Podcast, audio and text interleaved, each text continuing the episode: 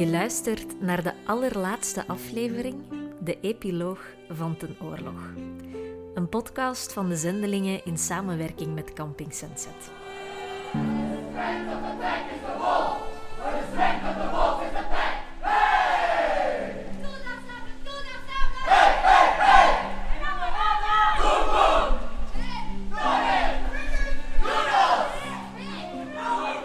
Hier de spelers en makers van Camping Sunset vlak voor ze hun marathonvoorstelling beginnen. Ze spreken zichzelf moed in. Het publiek zit op een tribune in de droogdokken op het eilandje in Antwerpen ernaar te kijken. Ze zitten gewapend met regenjassen, zonnehoeden en een paar extra truien. Want de komende acht uur zullen ze hier vertoeven. In weer en wind. Goedemiddag dames en heren, wij zijn Camping Sunset. We gaan vandaag voor u de trilogie spelen voor het eerst. We hebben deze hele zomer in Gent. In het publiek zitten, verspreid over zaterdag en zondag, Els Dottermans, Koen van Kaam, Ariane van Vliet, Kiyoko Scholiers en Peter Seijnave. Alle vijf acteurs van de Blauwe Maandag Compagnie die het stuk 25 jaar geleden speelden. Ik heb ze uitgenodigd om samen te kijken en daarna samen even bij te praten. Ik, ja. Oh, ik ging nogthans niet te veel zeggen en nu ben ik al de eerste die praat. Eh, Daar ga je. daar ga ik. Ehm, Je hoort Peter Seijnave. Hij Nee, zit zondag ik- in het ik ben publiek. later gekomen. Samen met Ariane. Koen en Kiyoko. En eh, ik ben gekomen omdat ik een foto doorgestuurd kreeg eh, met een pijl op Ariane is hier. En eh, toen dacht ik, ah, Ariane is er. Oh, misschien moet ik toch gaan. En dan ben ik toch gekomen uit gezelligheid eigenlijk, omdat Ariane hier was. En dan ondertussen wist ik dat Koen hier was en dat Kyoko hier was. En had ik zin om eh, iedereen terug te zien. En heb ik de plannen opgebergd van een toch rustig thuis te blijven vandaag. Maar ik heb dus deel 1 wel gemist. Na de marathon gaan we samen in een loods op het domein zitten. Misschien moeten u... Het viertal is opgetogen. Ze zijn duidelijk blij dat ze daar samen zijn. Nou, het was wel echt heel leuk om ineens. Dat, vond ik, dat merkte ik pas toen ik er zat, toen ik Kaampie zag en, eh, en Peter en Kyoko, voelde ik ineens zoiets. Oh ja, Jezus, dit is lang geleden. En dan vond ik het toch wel heel, heel grappig om hier samen naar te gaan kijken. Je hoorde Ariane van Vliet. Zij speelde de rol van Margaretha di Napoli. Terwijl het is eigenlijk helemaal niet lang geleden, want wij zien elkaar nog wel regelmatig. Maar ten oorlog zo. En dat was Koen van Kaam. In de tijd van ten oorlog een net afgestudeerde toneelstudent. Het gaf toch een soort eh, reuniegevoel of zoiets. Terwijl dat we elkaar inderdaad wel al gezien hebben de voorbije jaren en samengewerkt hebben ook de voorbije jaren. eh, gaf dat toch een soort gevoel van reunie, omdat je toch zo plots beseft van, ah ja, weten nog toen dat, weten nog toen dat. Goed tot de orde, wie heeft dit gedaan? Mijn buikgevoel zegt jij, Bollingbrok de Grote! Nee, nee, mijn dat is niet waar. Dat, is- dat, dat klopt niet. Dat, dat, dat, nee, ik heb daar niets met... Ik, ik heb We hebben zo'n zo'n lange tijd alleen maar met elkaar gezeten en we zoveel meegemaakt. Dat, dat is niet een, een gewone productie of zo die je dan, waar je dan samen over mijmert of zo. Het is echt wel echt een ten oorlog eh, periode die we hebben meegemaakt. Ik ben er zelf later bij gekomen. Dus er zijn ook nu nog altijd verhalen bovengekomen waar ik geen weet van had. Van alles wat zich heeft afgespeeld voordat ik hierbij kwam. Dat is echt... Ja, dat, dat waren ongelooflijk... Allee, dat is zo gelijk de Don Quixote van Terry Gilliam. Daar moest ik aan denken van... Ze hadden hier zo hard een, making-of van moeten draaien eigenlijk. Ongelooflijk wat daar allemaal zich afgespeeld heeft achter de schermen. Dat was Kiyoko. Je weet wel. De actrice die amper 15 jaar was toen ze in de productie stapte. Kiyoko, Koen, Ariane en Peter hebben al bijgepraat tijdens de pauzes. Dat merk je aan alles. Ja, Ja, het Ja, beste gesprek heb je eigenlijk gemist. enorm gemist. Ja. en ik want- heb nog ja. geroepen, eh, die podcast moet hier nu zijn. Nu is het interessant. Maar je was er niet, want jij was er gisteren. Terwijl dus tijdens de pauzes was het eigenlijk eh, het interessantst, denk ik. Veel interessanter dan dit gesprek ooit wordt. Eh, maar ja, dat is niet, eh, oh, staat niet op tape. Ja. Helaas. Het ging over, eh, toen was ik verliefd op jou en ik niet op jou en, en jij op mij. En onder andere dat gesprek heb je gemist. Ja, en de, en de, want Pieter Embrechts was er ook even bij, want die is eigenlijk als allereerste eruit gestapt tijdens, met het repeteren. Omdat hij voelde van, uh, ja, ik wil eigenlijk geen twee jaar hiermee bezig zijn, ik wil muziek maken. Dus die is er dan redelijk snel uitgestapt. Maar die, die begon ook uh, herinneringen op te halen dat we in het allerbegin nog in die repetities... met modder op ons gesmeerd, met vuur. En, en dat dan moesten allemaal soort ritueelachtige dingen worden. En doordat die, ik was dat alweer vergeten, maar Pieter begon dat te vertellen. En ik, oh ja, verrek. Wie ook is komen kijken is Els Dottermans. Zij kwam zaterdag. Ik spreek haar dus op een ander moment dan de andere acteurs. Maar ook bij haar zit ten oorlog van 25 jaar geleden vers in haar herinneringen. Het is ons afscheid geweest ook. Hè. Het is onze afscheidsvoorstelling geweest, ook aan elkaar, aan, uh, aan Blauwe Maandag. Daarna is het toneelhuis geworden. En dat is een nieuwe periode. En dat gaat altijd gepaard met een hoop. Altijd een beetje pijn en verdriet. En afscheid nemen en loslaten en een andere weg ingaan. En wij zijn nog altijd dat, dat bendeke, zo. Als we elkaar zien, zijn we nog altijd dat bendeke. Ja, ja, ja. Ja, ja, ja, absoluut. Maar hoe is het nu eigenlijk voor hen om plots in het publiek te zitten? Van iets wat ooit hun voorstelling was wat er naar boven komt is echt um, op, op, op persoonlijk vlak superveel, omdat het het eerste was wat uh, ik en Peter, want wij, Peter en ik zaten in hetzelfde jaar. Koen van Kaan en Peter Seijnave zaten in dezelfde klas op het conservatorium. En ten oorlog was hun eerste grote productie. En wij werden daarin gegooid in een blauwe maandag die al lang bestond. Met een dynamiek die ook al lang bestond en die getuige de vorige podcasts best wel ingewikkeld was. En wij zaten daar op te kijken. En dat was nieuw. En tegelijkertijd hebben we heel veel geleerd. Omdat je die gasten, eh, zo de Jan en de Peter van het begin, en, Els en, en Lucas, en, ja, noem ze maar op. Uh, om die gewoon te zien repeteren, dat alleen al. En ondertussen werd dat verhaal super complex en werd het gewoon een oorlog binnen een oorlog. En dat zijn dingen die wel allemaal terugkomen als je zit te kijken.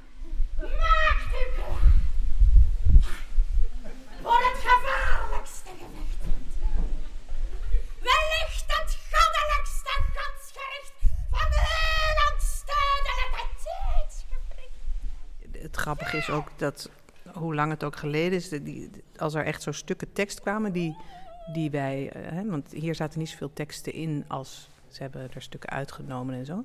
Ze hebben, uh, ze hebben geschrapt. Maar, uh, nee, maar dan merkte ik wel zo dat ik ineens merkte dat, dat in mijn hoofd dat ik die zinnen kon afmaken. En dat, dat die tekst er eigenlijk allemaal nog zat. En ik het ongelooflijk fijn vond om die teksten weer te horen ook. Of personages die je uh, ziet opkomen en dan denkt, ah ja, Bex, dat was Jacob Bex. Ja. ja en nu is Louise daar aan het spelen en hoe grappig. En, maar dat ik naar Louise zat te kijken, maar niet anders kon dan ook aan Jacob denken. Uh, of um, ja, dat ik mezelf zie en dat ik denk, ah ja, ik ben nu een meisje en ik, uh, en ik ben zwart. Oké, okay, cool. Of, ik weet niet wat de naam is van het meisje dat jouw rol speelde, Ariane. Nee, weet ik niet. Margaretha um, di Napoli ja, in ieder geval. Maar zag ja. ik wel van, ah ja, dat is eigenlijk dezelfde energie en dezelfde... Ik herkende Ariane ook in hoe zij het speelde. Overal waar jouw naam weer klinkt, zal alle ellende verdwijnen in de diepste krachten van de hel. Het was nogal een, eh, een, een bad van herkenning ook. Van al die toch veel zinnen herkent en die je dan terug hoort. Je hoort. Het is raar hoe zinnen in je hersenen gegriefd staan. En je hoort die, je collega's die terug zeggen. My broer has always had a way with wijven. En dat, soort dingen allemaal. Dan zie ik, dan zie ik uh, Lucas dat zeggen. Ik hoor Jan spelen. Ik hoor Ariane, heb ik ook heel veel gehoord. In uh, Margaretha di Napoli. Die zinnen. Mezelf zo niet. Ik heb mezelf niet teruggehoord. Maar het is dus heel moeilijk om daar gewoon blank naar te kijken. Want je, je, kijkt naar iets, maar daar ligt constant ook een, um, een herinnering boven. Of het meisje dat Richard III speelt. Ja, zie ik spelen, maar ik kan daar niet naar kijken zonder dat ik aan Jan denk. En, en dat gaat niet over vergelijken, maar over ja, dat een herinnering en een hier en nu ligt wel op elkaar als je aan het kijken bent. Je herinnert je inderdaad de voorstelling die je zelf hebt gespeeld, vele keren. Dan herinner je ook nog eens, komen de herinneringen naar boven van de repetities. Plus dat je ook nog herinnert hoe je daar zelf stond. Ik, als ik bepaalde teksten hoorde, dacht ik, oh ja. En, ineens komt er zo terug, was toen dat of dat aan het denken of zo. Of ik voelde me toen zus of zo. Of ik moest ook denken aan een moment, uh, maar dat kwam er dus nu bijna niet in voor, denk ik. Maar als toen Margaretha di Napoli in het laatste deel is die helemaal gek geworden. En we hadden een decor met water erin. En ik weet nog in een van de repetities dat ik uh, op een gegeven moment zo niet meer wist eigenlijk hoe ik het moest spelen. En ik moest onwijs dringend plassen. En, en, en ik moest eigenlijk iedereen een beetje gaan afzeiken, letterlijk. En toen ben ik daar in dat water gaan staan. Toen heb ik gewoon keihard in dat water gepist. Ja, dat ik wel graag geweten, want in het derde deel moest ik in dat water verdrinken. Ja, want daarna moesten al jullie hoofden daarin om verzopen te worden. Maar ineens moest ik daar dus ook aan denken. Ik denk, oh ja, ik heb in dat water staan pissen. Dus het is ook een beetje, uh, de, zo, je hebt zo de um, soundtrack van je jeugd, hè? Liedjes en zo, hè? Um, en ik zat te luisteren vandaag en eigenlijk um, zijn die teksten van Tom dat voor mij voor een deel ook. En niet alleen mijn eigen teksten, ook als je, gewoon, gewoon die, als je die teksten hoort, dat is een biotoop waar je anderhalf jaar, en in ons geval ja, wel twee jaar met die herneming erbij en zo, waar je in verkeerd hebt, waar je in vertoefd hebt. En dat is toch een deel van je DNA geworden op een of andere manier. Mama! Mama! Mama! Mijn vloek, vermoeien en verlammen jou, Richard. Op ieder slagveld als een loden harnas. Mijn rozenkansen vechten. De acteurs van de Blauwe Maandagcompagnie worden door de voorstelling van Camping Sunset voor even teruggecatapulteerd naar jaren geleden. Alsof ze in een soort van teletijdsmachine gestapt zijn, waardoor ze de kans krijgen bepaalde dingen te herbeleven. En daar horen ook minder leuke momenten bij. Ja, je hebt het zelf ook gehoord, hè, de geschiedenis van ons verhaal. Dat was niet altijd een mooi verhaal. Hè. Dat is echt een, een, een een leidersweg geweest. En dan komen die dingen ook wel weer allemaal terug. Ik zei het net nog tegen, tegen een vriend. Uh, ik heb dat beleefd, heel die, die tenoorlog. Ik was toen zwanger van mijn eerste zoon. En omdat ik zwanger was, uh, vielen al die, al die ellende die wij daar meegemaakt hebben, viel van mij een beetje af als water van een eend. Het was voor mij allemaal niet zo belangrijk. Ik had iets belangrijkers te doen. Ik denk, moest ik niet zwanger geweest zijn, dat ik dan misschien wel met mijn, met mijn vrienden Stanny en Peter misschien mee, mee eruit gestapt zijn. Maar ik heb dat niet gedaan. En ben heel blij dat ik het niet gedaan heb.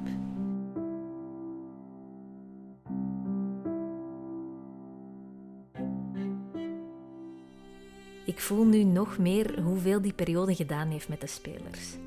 En hoe iedereen op een andere manier terugkijkt op die tijd. Iedereen heeft zijn eigen verhaal het is ook het begin geweest voor heel veel. Wij hebben elkaar niet veel meer gelost. Er zijn vriendschappen gesloten die nooit meer weggegaan zijn.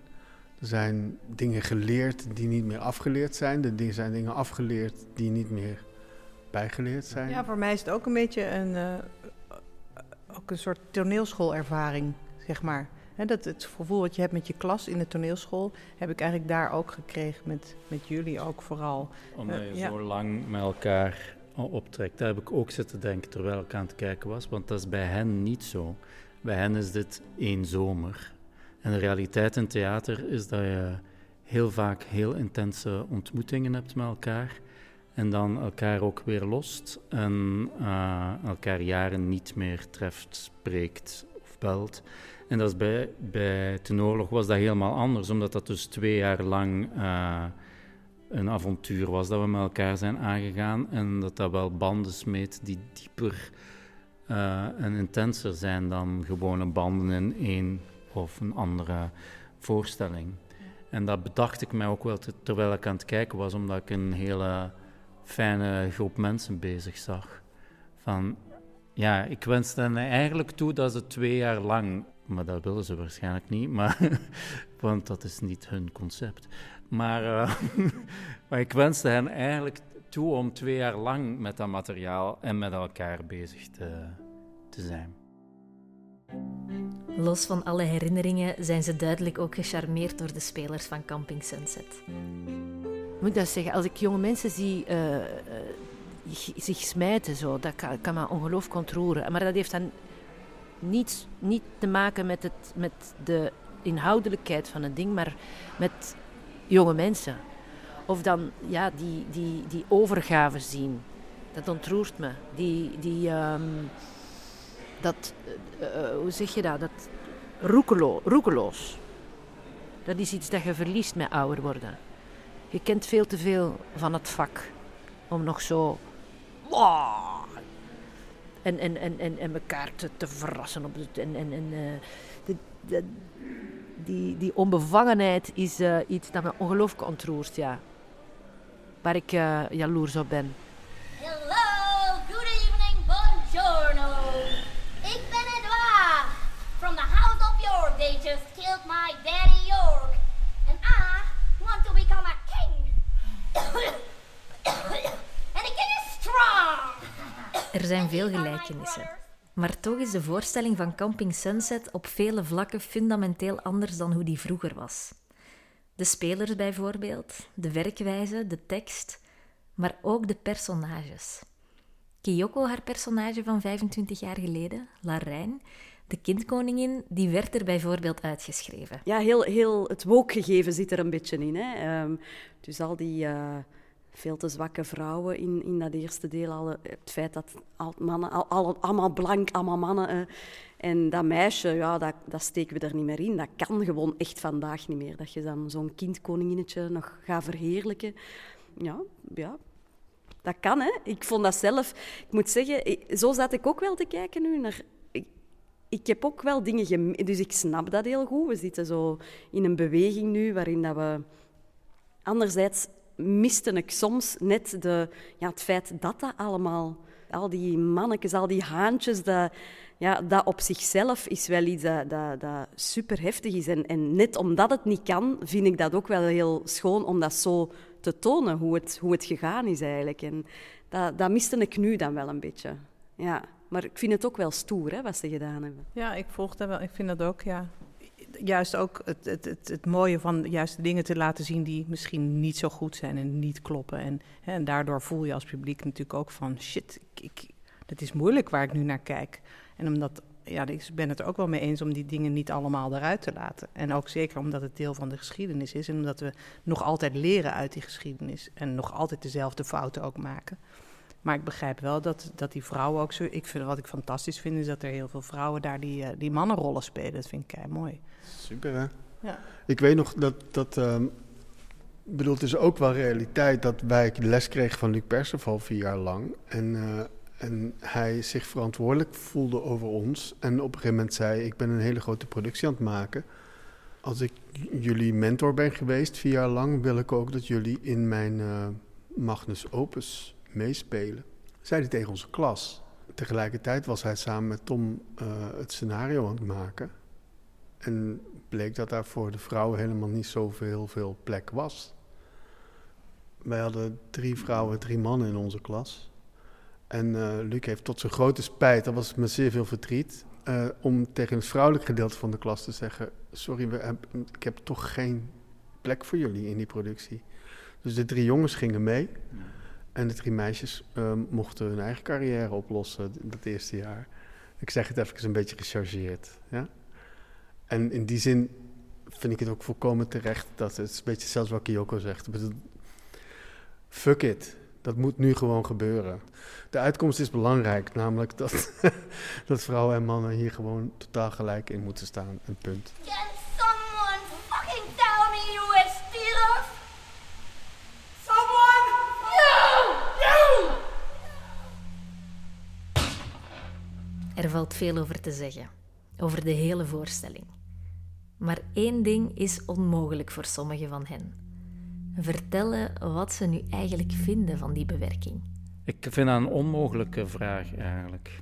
Omdat ik ja, te veel ook naar herinneringen zat te kijken. En, wat ik zie is uh, heel veel talent. En wat ik zie is naar mijn gevoel, te weinig regie. Het is een heel collectief gebeuren, maar daardoor vind ik dat de spanningsboog van we gaan negen uur theater maken en, en dat heeft ook te maken met de werkwijze. We repeteren maar twee weken aan elk stuk. Dus ja, dat mis ik dan wel. Maar dat is ook ja, dat wist ik ook op voorhand dat dat er niet ging zijn, want dat kun je niet op twee weken uh, repeteren, krijg je dat niet voor elkaar om een spanningsboog in elkaar te timmeren die u als publiek van begin tot eind uh, meeneemt. Dus soms haak ik een half uurtje af, maar misschien was dat twintig jaar geleden ook, dat mensen soms eens een half uurtje uh, afhaakten. ze hebben een groot ding in handen. Hè. Het, is, het, is, het is geen wedstrijd van kijk eens in hoe snel wij, wij iets kunnen maken. Daar gaat het niet over. Hè. Ik vind dat niet uit. We hebben dat in twee weken gemaakt. Wauw, dikke bravo. Proficiat daarvoor. Maar niemand heeft u dat gevraagd, omdat er stond geen geweer tegenover u, tegen, uw kop. Hè. Mijn gevoel is dubbel ik wil heel graag bij dat begin blijven, dat was het, dat was het allermooiste. Daar zit een, daar zit een, soort frisheid die, die mij echt uh, ongelooflijk gecharmeerd heeft. Maar als je dan langer blijft kijken, ja, dan zie je... Ja, dan begin je tussen de regels te, te lezen. Dan zie je de trucjes, hè. Dan, zie je de, dan zie je het in elkaar zitten. En dan vond ik het te entertaining. ik? Waar bent u, majesteit? Ik zit hier. Ik heb een ton op mijn hoofd. Ik had ook omdat ik zo van die tekst hou. Van, uh, uh, en omdat dat ook zo'n leerschool is geweest, zeg maar, voor mij. Ik denk voor ons allemaal, om met die teksten einde. En die, wij moesten al die teksten wel zeggen. Dus dat, dat was een gevecht met die teksten. En uiteindelijk om daarin te gaan wonen en die te leven, dat was echt dat was een overwinning. En dat was, uh, daar, daar, daar, gaat een hele wereld voor je open. Dus ik merkte nu wel dat ik honger en zin had om die teksten te horen. En dan had ik wel soms iets van, oh jongens, doe eens wat meer teksten erin. Want ik vond het heel fijn om naar te kijken. Ik vond ze allemaal prachtig. Ik vond het een heerlijke energie. Ik vond het een superleuke voorstelling. Ik was helemaal mee. Maar ik merkte wel elke keer als zij zelf die teksten begonnen te gebruiken, dat ik dacht, ja, dan, dan kom ik mee op een spoor en dan komt dat verhaal, komt, neemt mij mee. En, dan, en, en als ze dan weer stopten, en dan vond ik dat ook weer geestig gedaan. Maar ik merkte dat ik, ik wilde meer van die tekst hebben. Ladies, and gentlemen, I proudly present to you. Ik ben bewust naar hier gekomen om het niet terug naar daar te trekken. Ik, heb, ik wou echt iets anders zien. En dat heeft me blij gemaakt dat ik dat wel gezien heb.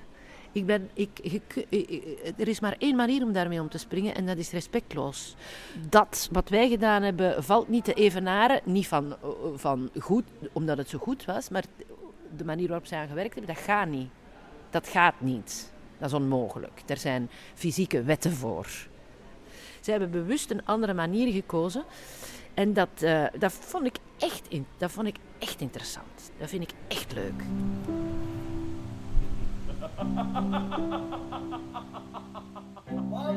Wat ik echt fantastisch vond, is juist het, uh, het gegeven van gemeenschap. We zijn toen zo hard samen geweest en dat is zo hard deel van, ons, van onze genen geworden. En eigenlijk wat, je vandaag, eh, wat ik vandaag zie, is, een, is een, een troep, een gemeenschap die zich verzamelt rond zo'n onderwerp. Wat ik echt totaal ontroerend vind als gegeven. Die, die verzamelen zich daaromheen. Zo net bij het applaus net. Die hele troep, die rij. Shit man, dat is gewoon heftige shit. En ik vind dat ook echt een heel sterk beeld nu in deze tijd. Zo'n lange rij jonge gasten die zich schaart rond een onderwerp daar gaat over wat het is om mensen. Het gaat niet over koningen, hè? Het gaat helemaal niet over koningen of koninginnen of, of, uh, of, of, of, oorlog of wat dan Het gaat over wat het is om mens te zijn. En, maar ik zie ook gasten en eigenlijk ook wel een generatie die hun plan maar moet trekken. Die, en dat doen ze goed. En het levert ook een vorm op die ik heel mooi vind. Het shabby ervan, het, het, het, plantrekkerij. Maar gewoon ergens iets vandaan trekken om je verhaal verteld te krijgen. En tegelijkertijd zie ik ook de keerzijde daarvan. Het feit dat tijd, en ik bedoel in dit geval geld dus. Tijd vertaald in geld en in middelen. Omdat je houdt dit niet vol. Als je dit zou willen blijven doen en ontwikkelen, zonder dat daar iets tegenover staat. Uh, ik wil niet voor hen spreken. Maar ik begrijp wel dat het concept ook ontstaan is vanuit een noodzaak om te spelen. En dat het concept, we gaan twee weken repeteren en twee weken spelen en dan kunnen eigenlijk verder repeteren, maar met publiek ook komt vanuit we hebben geen geld om zes weken te repeteren en iets. Onze productie was echt Blauwe Maandag Compagnie, Singel, Rotterdam. En dat was af. Dat was een grote zaal. Niks was te veel. Het decor is een keer kapot gegaan. Is helemaal opnieuw gebouwd. En daarin is dit helemaal niet te vergelijken. En, zo zit ik er ook wel naar te kijken. Gasten die het verdienen, want inderdaad heel veel talent om, um, om, om, om gesoigneerd te worden.